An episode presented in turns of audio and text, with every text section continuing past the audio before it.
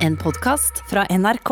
Koronapandemien har eh, skapt krise for kinoindustrien her i landet. Kun 50 000 nordmenn har sett den nye storfilmen eh, 'Den største forbrytelsen', som man hadde større forventninger til enn såpass.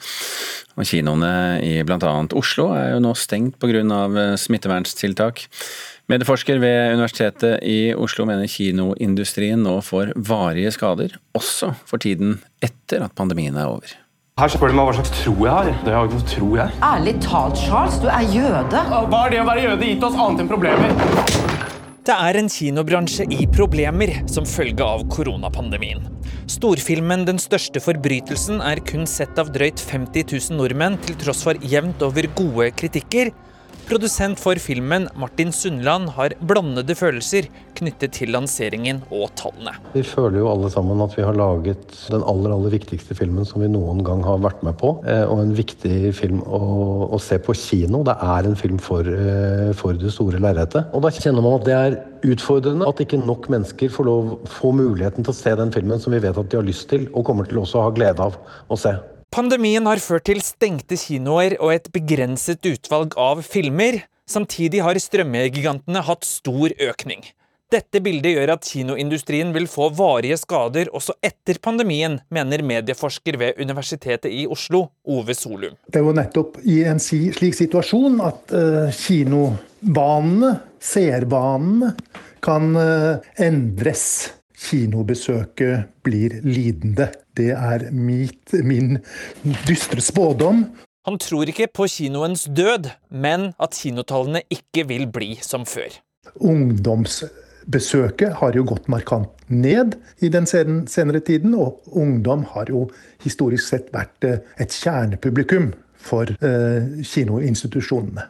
Førstemann til toppen for brura! Filmen som toppet kinolistene for 2020, var 'Burning 3'. Og det er mer optimistiske toner å spore hos filmens produsent Jon M. Jacobsen. Ja, det kan godt hende at det kommer til å ta tid før folk vender tilbake til kinoen i fullt monn. Men at dette vil komme til å få noe varig virkning på kinobesøket, det tror jeg ikke nødvendigvis. Jeg er livredd hva som kan skje. Produsent for Fantefilm og Den største forbrytelsen syns det er vanskelig å spå kinoens framtid akkurat nå. Det kommer an på hvor lenge på en måte, vi kommer til å være i denne situasjonen også. For det er jo enorme markedskrefter som på en måte har veldig, veldig stor betydning eh, på det. Jeg tror at kinoens plass kommer til å bli stående også etter at koronakrisen er over. Reporter her var Knut Øyvind Hagen. Da sier vi god morgen til medieviter Gry Cecilie Rustad ved Universitetet i Oslo. Hallo. Hva tror du er vanen i ferd med å bli endret permanent, slik at publikum vil droppe kinoen og heller se filmene hjemme, eller kommer vi til å komme tilbake når pandemien er over? Jeg tror Å, det der er det kjedelige forskersvaret, men litt begge deler. Altså, kino Altså, seervanene når det kommer til kino, har jo vært i endring lenge. Og kinoen har jo overlevd at fjernsynet kom til, og disse strømmetjenestene tar jo selvsagt mye av kinopublikummet eh, nå. Men jeg tror også at publikum kommer til å komme tilbake til kinoen. Eh, for kinoen er jo ikke bare et sted man ser film, det er en sosial arena. Eh, hvor man går på date, hvor man tar med venner. Det er noe man gjør i helgene som en sosial aktivitet. Og det tror jeg folk savner, og jeg tror folk kommer til å komme tilbake til kinoen for å gjøre akkurat de tingene. Og så ser man f.eks. i Asia som nå har sluppet unna, ser det ut som, den andre bølgen, hvor kinoene nå er i full operasjon igjen etter å ha vært stengt, var stengt et halvt år der, i Kina f.eks.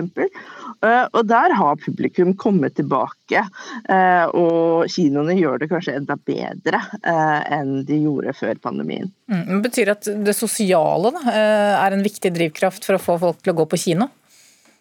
Det tror jeg absolutt. Og jeg tror kanskje kinoen også selvsagt må tenke nytt. altså At de må prøve å få frem denne sosiale eh, situasjonen, denne magien med å gå på kino.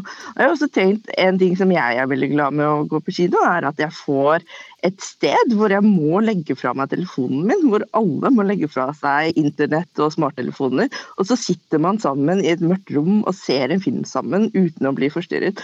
Og det er faktisk ganske viktig, og spesielt i den tiden vi lever i nå, hvor man går rundt med disse telefonene hele tiden. Så hører vi at ungdom går mindre på kino. Det er vel kanskje det mest alvorlige da, for, for kinobransjen her?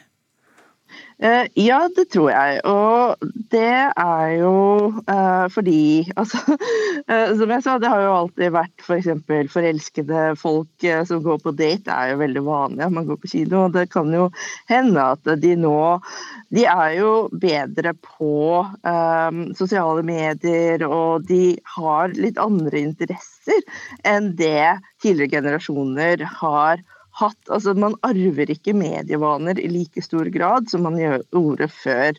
Eh, de, eh, når jeg vokste opp, da min generasjon vokste opp, så arvet vi liksom TV-vanene til foreldrene våre og medievanene til foreldrene våre, og også kinovanene. Vi ble tatt med på kino som barn. Eh, mens unge mennesker, altså barn og unge i dag, har jo mer de sitter på sin egen skjerm og ser strømmer, eh, e-sport og TikTok og YouTube-videoer, så de har nok en litt sånn annen, eh, et annet forbruk når det kommer til medietekster. Så Det har kanskje ikke noe med kinoen i seg selv, men det ser ut til at de kanskje ser litt sånn andre typer tekster da, enn f.eks. film og TV-serier og de mer tradisjonelle tekstene. Eh, så der har absolutt eh, bransjene, altså de som skaper filmene, en utfordring. Ok, Takk skal du ha, medievite Gry Cecilie Rustad ved Universitetet i Oslo. Så vet vi jo da at kinoene mange steder i landet er stengt akkurat nå, så det kan jo ta en stund før vi får gått på kino uansett. God dag, det er John Dillemann. John Dillemann, John Dillemann. Han er verdens lengste Dillemann. Det er nesten ikke noe han ikke kan med det. Verdens lengste Dilemma Man, det ville på norsk eh, het eh, Verdens lengste tissemann. Og det du hørte her, var vignetten til en ny barne-TV-serie som nå sendes i Danmark. En animasjonsserie om karakteren John Dilleman med denne høyst uvanlige egenskaper. Og det har jo selvfølgelig, selvfølgelig også skapt kontroverser. Så, reporter eh, Linda Fedler, hva er det folk reagerer på? John Dilleman, som da sendes på Ramachang, som er danskenes NRK Super, han har denne egenskapen at han har verdens lengste dillemann, eller altså tissemann, som det heter på norsk. Eh, barn har som kjent eh, sansen for eh, bæsj, tiss og promphumor, men det har ikke danske foreldre, blir helt enig i. Men To spørsmål som dukker opp. A. Hvor lang eh, Dilleman snakker vi om her, og eh, hva handler denne serien om? Altså, denne Dillemannen, tissemannen, den er uh, uendelig lang. Den kan bli så lang som uh, John bare vil, uh, kan det se ut til. John Dilleman han har så lang tissemann at han kan få til hva som helst, og han stjeler annet is fra barn. Han er en slags superhelt, men med litt sånn litt dårlig motivasjon kanskje innimellom. I serien så, så fullfører han annet helt vanlige hverdagssituasjoner, som å gå tur med hund, heise flagg flagg og eh, eh, grille pølser. Men da med hjelp av hans rekordlange kjønnsorgan. Og hva sier foreldrene? Nei, altså Programmet har jo blitt tatt imot med både ros og, ros og kritikk. Men på Facebook-siden til eh, Dansk Radios eh, Ramachang så går debatten for fullt. Flere foreldre mener programmet er totalt upassende og rett og slett burde fjernes. Og Dansk Folkeparti de har slengt seg på ballen, og de kaller det hele forkastelig. Men eh, av ros så er det jo mange som mener at det er helt innafor. Eh, flere barneforskere og psykologer mener at dette her ikke er for drøyt for barn å se på. Og da, de lagde, da DR lagde dette programmet, så hadde de jo inne eh, barnepsykologer som nå har vært ute og sagt at dette er et program som skal ses som et humoristisk univers.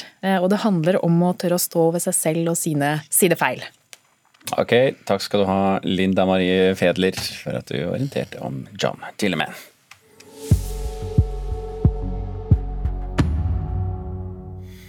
Før eh, jul brukte vi mye tid på å se tilbake, oppsummere og gjøre opp status for annerledesåret 2020. Og nå skal vi se litt fremover på hva Kunstvåren 2021 har å by på. Og her i studio, Mona Palle Bjerke, kunstkritiker her i NRK, god morgen og godt nyttår. Godt nyttår. Er det en kunstform vi kan glede oss til? I aller høyeste grad. Altså Både Kristiansand og Stavanger har nå storsatsinger nå på nyåret. 15.1 eh, så åpner eh, Sørlandet kunstmuseum i Kristiansand eh, med utstilling med den sveitsiske kunstneren Ugo Rondinone. Og på Stavanger kunstmuseum så åpner da med den amerikanske kunstneren Bill Viola, eh, som er ja, gjennom et helt liv har utforsket videomediet og vært opptatt av dette med speiling, overlapping og litt sånn uvirkelig tidsopplevelse. Eh, begge disse utstillingene gleder jeg meg veldig til. Så vet vi at Nasjonalmuseet har fått mye kritikk for lav aktivitet i flytteperioden. og Du har kanskje vært blant de strengeste og mest høylytte kritikerne her. Hvilke forventninger har du til Nasjonalmuseet denne våren? Ja, nå rett før jul så kom de jo omsider med en plan eh, om, og de har da innladet et samarbeid med en rekke andre institusjoner. Så hvorfor ikke de har gjort dette mye før, er jo bare en gåte. Men det er jo fantastisk at de nå er i gang. Og selv om det er litt uh, uklart foreløpig hva, hva, hvordan disse tingene skal arte seg og når det skal skje og sånne ting, så har de i hvert fall mange jern i ilden. Uh, og jeg gleder meg både til dette at uh, brudeferden i Hardanger kommer ut på reise. Jeg håper å kunne avskjære bildets kurs. Jeg har ikke sjekket ut reiseruten etter helt ennå, men det er eldre og moderne kunst som skal vises i dronning Sonjas kunsthall. Samtidskunst i Kunstnernes hus de har et spennende samarbeid med Teknisk museum, hvor jeg regner med at gjenstandshistorie skal få folde seg ut. Eh, og Det trenger vi virkelig, siden Kunstindustrimuseet har vært stengt siden 2016. Og så er det Blåfarverket på Modum som skal vise høydepunkter fra Nasjonalmuseets samling i sommer, istedenfor den planlagte sesongutstillingen. Så det er jo veldig gøy, da. Og det, jeg håper inderlig nå, er at ikke Nasjonalmuseet bare har tenkt å være en passiv utlåner, eh, men faktisk også låne ut kompetanse og være med på å utvikle spennende ideer og utstillingskonsepter. Mens vi venter på Nasjonalmuseet, så har vi jo Kode i Bergen. Hva skjer der? Ja, den store begivenheten nå på våren er nok utstillingen som de åpner i mai med den verdensberømte franske kunstneren Paul eh, Cézanne. Eh, og den har de jo veldig klokt da timet i forhold til Festspillene. Eh, og der har vi jo da også Festspillutstillingen. Det er jo da ikke Kode, men Bergen kunsthall. Og det er tekstilkunstneren Elisabeth Haarr som har fått den store æren å bli utpekt til på en måte årets nasjonale kunstner, da, som dette er. Og Det er jo en litt eldre kunstner. Ofte er det jo liksom mer midtlivsretrospektiv, dette her, men denne gangen så er det en litt eldre kunstner eh, eh, som har et langt kunstnerliv bak seg med både abstrakt, geometrisk vev, hun har jobbet politisk figurativt, hun har også jobbet mer sånn sanselig materialnært med f.eks. å spille ut eh, kvaliteten av ull og syntet mot hverandre. Mm. Er det andre utstillinger du gleder deg spesielt nå frem til utover våren? Jeg veldig, gleder meg veldig til de kunsthistoriske utstillingene. På Tromsø, eller Nordnorsk kunstmuseum i Tromsø så er det den franske romantikeren Francois Auguste Biard som skal vises. Og på Lillehammer kunstmuseum skal vi se Anna Anker. Det er en av Skagens malerne. Altså denne kunstnerkolonien på Jylland som var aktiv på 1870-80-tallet. Okay, Høres ut som det er mye å glede seg til. Takk skal du ha, Mona Palle Bjerke. Du har hørt en podkast fra NRK. Hør flere podkaster og din NRK-kanal i appen NRK Radio.